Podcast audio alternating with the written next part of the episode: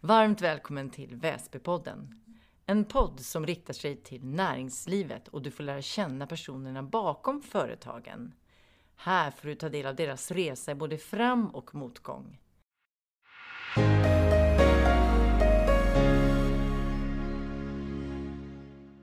Idag träffar vi superentreprenören Jakob De Geer som är grundare av iSettle, sedermera blev uppköpta av Paypal. Han är rådgivare, investerare och också en profil i tv-programmet Draknästet.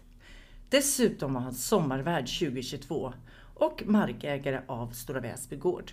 I det här avsnittet kommer vi lära känna Jakob mer som person och lyssna till hur man har resonerat kring Stora Väsbys utveckling men också få en inblick i vart entreprenörskapet kommer ifrån.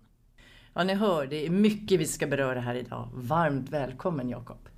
Ja, tack! Det lät som det blir mycket. mycket att prata om. Mycket att prata om. Ja, vi får plocka godbiten här, men vi kan ju börja med din bakgrund. Mm. Nej, men jag är uppvuxen på Väsby, eller eh, på, på Väsby och i Väsby. Mm. Född 75. Jag gick större delen av min skola här. Mm. Och bodde på Stora Väsby, eh, en gård som har varit i vår familjs ägo sedan 1668. Så att jag är nu trettonde generationen som bor där. Mm. Så att eh, det är, mm, det är ett ansvar. Verkligen. Jag läste någonstans också att det är Stockholms mest välbevarade gård. Det, kan, det ligger väl lite sanning i det. Det, det är en gård från ja, som blir klar ungefär samtidigt som Stockholms slott runt 1750. Och det är bevarat till, den, till den del att det är, liksom, det är ingen som har renoverat sönder det, mm. som man gjorde med många av de här 1700-talsställena under 1800-talet när modet ändrades. Mm. Men här är det sig ganska, ganska likt. Det har ju dessutom också skett ett generationsskifte i driften där som du sedan en tid tillbaka har tagit över. Hur har den resan varit och vad är dina ambitioner för själva platsen Stora Väsby? Det var en bra resa. Alltså, Stora Väsby hade aldrig överlevt utan pappas intåg, höll jag på att säga. Mm. Han jobbade på, på bank tidigare och min mamma var lärare i Väsby. Han insåg väl eh, någon gång i början på 80-talet att skulle det här stället överleva en generation till, då räckte det liksom inte att, att köra det på deltid utan han tog över Stora Väsby, då var det, eh, det var 1978 när hans pappa dog. Och mm. då var det 30 anställda och Stora Väsby hade alltid försörjts av modergården som låg liksom i norra Uppland som var ett av de här gamla järnbruken. Och när det delades upp mellan min pappas bror och honom så stod egentligen Stora Väsby utan några som helst intäkter och var ganska nedgånget. Så i samband med det så, så fattade han väl ett eh, ganska tufft beslut skulle jag tro, jag har inte frågat honom, men då bestämde han sig för att ge upp sin liksom, bankkarriär som han hade kommit ganska långt på och istället satsa på att, att den här familjegården skulle överleva en generation till. Och det har han gjort helt fantastiskt. Gården är i väldigt fint skick. Det har blivit en, en bra verksamhet som eh, har några få anställda, inte alls som de 30 som han började med. Framförallt så lever den vidare.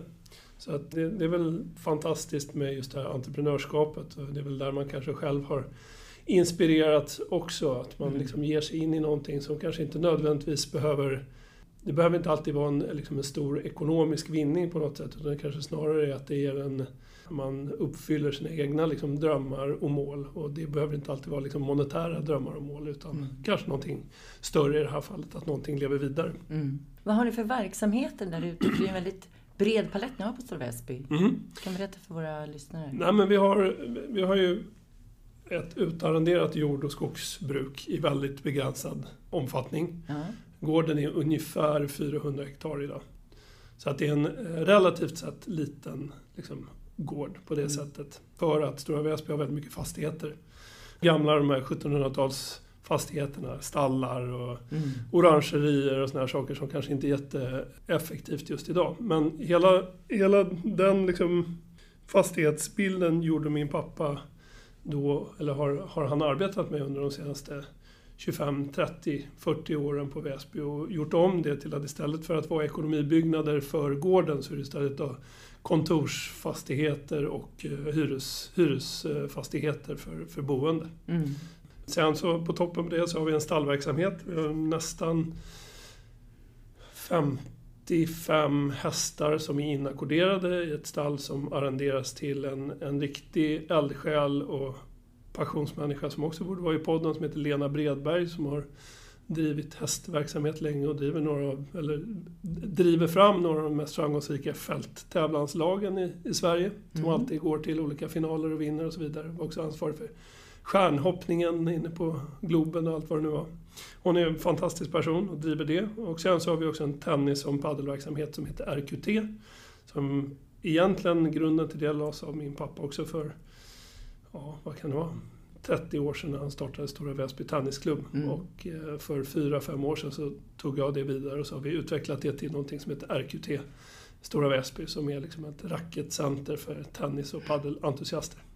Så att eh, det är en bred palett. Verkligen. Ja. Imponerande. Var det självklart för dig att ta över eh, verksamheten? Jag höll på att säga, det var ett, ett sånt här generationsskifte, det är nog som i vilket företag som helst egentligen. Men det är ju liksom långa processer och ingenting som är liksom bestämt förrän den dagen man väl står där. Det är liksom en, ett eh, pågående arbete och jag har syskon och så vidare. Så det har varit år av diskussioner som liksom har lett till det här och sen så har det li, lite grann blivit som det har blivit. Mm. Men eh, just för vår familjs del så har det blivit väldigt bra tror jag. Jag tror att alla är, är väldigt glada och nöjda med hur det här spelade ut, höll jag på att säga. Mm. Om vi spolar tillbaka bandet då lite från som Jakob som barn. Vem var du? Nej, men jag var nog inte... var nog inget jättespeciellt med mig. Jag var medioker, eller ganska urusel hockeyspelare i Väsby Hockey. En lika dålig fotbollsspelare i Väsby IK. Okej. Eh, Aningen bättre tennisspelare på, Ja. i Stora Väsby Tennisklubb. Eh, Så mycket sport. Ja. Eh, liksom vår familj var, eller är och har alltid varit väldigt aktiv. Någon, svårt att sitta stilla Mm. från mina föräldrar tror jag. Och skolmässigt så trivdes otroligt bra i Väsby. Det var liksom på den tiden väldigt fina skolor. Jag har ingen bra koll på hur Väsby skol, skolor ser ut idag så jag har Mm. inget att jämföra med. Men det var jättebra skolor och jättefina lärare och liksom Mm. trevliga klasskompisar. Och liksom, nej, jag, jag trivdes nog väldigt bra i, i Väsby. Sen så, eh, ju äldre man blev så, så liksom, jag tror att just det här att, att det fanns någonting som var lite annorlunda i och med att jag bodde på den här gården. De flesta Mm. andra liksom bodde någonstans i centrala Väsby. Det, var liksom, det, det, det blev en, en konstig outtalad skillnad så småningom som gjorde att det blev, så småningom blev det för stökigt. Liksom. Det Mm. blev för stora skillnader i, i liksom, när man växte upp och började jämföra sig med, med varandra så, så blev det inte bra till slut. Mm. Då, vi flyttade vidare. Var flyttade du då? då? Då flyttade jag upp till eh, Värmland och gick i skolan där i fyra år. På Lundsberg? Ah, Gick jag på internat där. ja. Mm. Intressant. Och vad hände sen? Sen flyttade jag till Belgien Mm. i ett år. Och så tog jag en internationell studentexamen där, en IB. Mm. Och sen så kom jag hem och började på Handels i Stockholm. Affärsintresset och det här entreprenöriella draget, har det alltid funnits hos dig?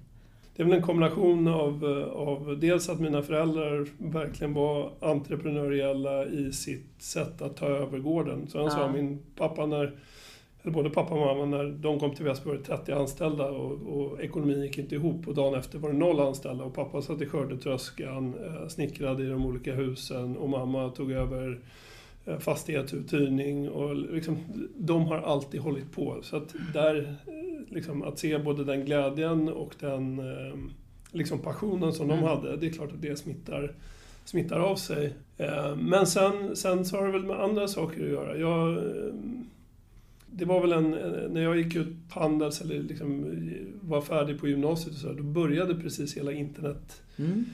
eran började liksom rö- röra på sig. Det var första gången liksom det började eh, prassla lite grann. Mm. Och just den där känslan att det är någonting som pågår och den äldre generationen då eh, tittade på det och, och liksom fnös väl lite grann så här, och det, Mm.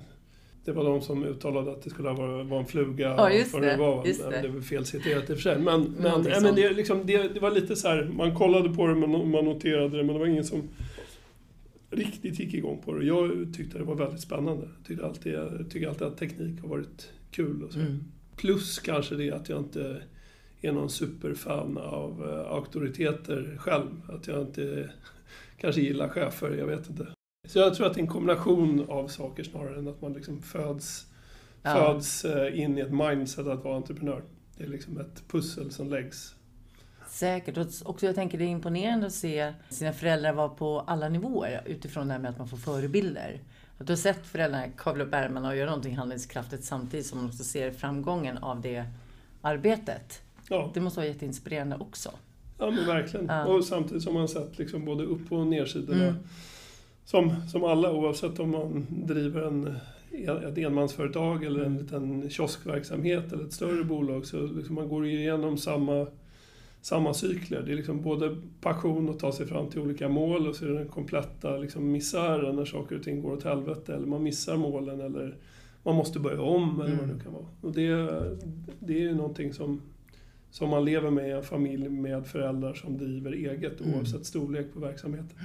När du sa det här med eh, auktoritet och du ville vara din egna- chef, då har du ändå varit med och byggt upp bolag också själv. Mm. Har du haft den tanken med dig hur du ska vara som ledare? Ja, men det tror jag man måste ha. Och Ja. inte minst idag. Det var nog lättare på många sätt att vara ledare för 30-40 år sedan. Då kunde man liksom vara den här auktoritära mannen eller kvinnan som stod och pekade med hela handen och skrek att “you're fired” och sådär. Mm. Idag funkar det inte så, särskilt inte på de nya generationerna yngre eh, ungdomar. Utan eh, här, här handlar det om att dels så måste man erbjuda ett, ett jobb som är mer eh, självuppfyllande så att säga. Man måste liksom hitta sin egen passion i sitt arbete snarare än att man går till jobbet och lyfter en lön. För väldigt många. Eh, Och det andra är att du, du behöver ett ledarskap som, som gör liksom arbetet meningsfullt. Det är inte bara sitt här och skriv in den här informationen utan ska du få ut maxpotential av alla så måste du liksom på något sätt locka fram kopplingen mellan vad det är som driver människan liksom djupare. Det, det är ju svårt att skala det där när du kommer över 1000, 2000, 3000 anställda och det är klart att inte alla går igång på det men du behöver en kärngrupp där du verkligen liksom jobbar på det sättet. Och det innebär ett mycket mer aktivt ledarskap tror jag. Liksom ett mycket djupare ledarskap ner på individnivå. Jag tänker som techbranschen, som, vad var det som lockade dig dit med nyfikenheten att det var någonting som andra kanske inte tog på allvar? Vad, vad såg du som inte andra såg? Det var ju en era på, i början på 90-talet när liksom vi, vi som var med då växte upp med liksom spray och framfab och Icon Media Lab var ju liksom de stora poster childs kan man säga. CD-ON hette det väl också. Det. Det som påverkade mig mest var nog just det här människor som inte hade 40 år av karriär i sig kunde helt plötsligt veta mer än, eh, veta och kunna mer Mm. än människor som hade jobbat i en verksamhet i 40 år. Det var helt nytt, så alla var på samma nivå. Oavsett om du var 20, 30, 40, 50 eller 60 år gammal så var det ingen som hade mer information än den andra. Och det gjorde att vem som helst kunde bli bäst. Så det blev mycket mer så här demokratisk process. Och så såg man där, det fanns väl några stycken, Jonas Birgersson, Ola Alvarsson, Johan Stahl von Holstein och det, fann, eh, det fanns ett gäng Mm. liksom. Som lite grann vände upp och ner på hela, någonting som jag inte gillar, är liksom hela jante, jante-lagen i Sverige. Att man inte ska tro att man är någonting. Här kom de från ingenstans, stod i fleecetröja och berättade för liksom Pelle Gyllenhammar att eh, så här ska vi minsann liksom leda den digitala revolutionen. Det var lite befriande. Jag bara kände att så här, men det här är, gud vad skönt. Det här vill jag göra. Liksom lite mer så här Mm. snarare än att liksom gå och harva i samma hjulspår som Mm. alla andra. Är det också kanske ett skäl, sitter jag och spånar här, men är det en, ska man säga, ett incitament för dig också att gå in och stötta startups och vara med och rådge och investera i olika idéer för att främja det här som du beskriver nu? Ja, men det är väl en del. Alltså jag, jag är en superförespråkare. Jag tror att liksom Sveriges framtid eh, hänger väldigt mycket på e- egenföretagandet. Alltså att, att vi får människor att våga starta eget. Mm. Ehm, Jag tror att i en globaliserad värld med liksom global konkurrens så blir det svårare och svårare att bygga de här hm bolagen och liksom förlita sig på att det är Ericsson som ska ge liksom, eh, eh, arbetstillfällen till, till alla svenskar eller de traditionella stål och gruv och eh, Mm. liksom, skogsbolagen. Så här. Utan det behövs nya bolag.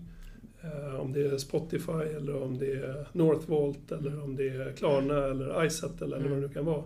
Det är liksom där man kan skapa en förändring och arbetstillfällen framåt. Man man hade ju önskat att Sverige skulle bli världsbäst på entreprenörskap. eh, Det vill säga att, att vi får våra, alla människor som bor här att våga starta eget. För alla förutsättningar finns i Sverige.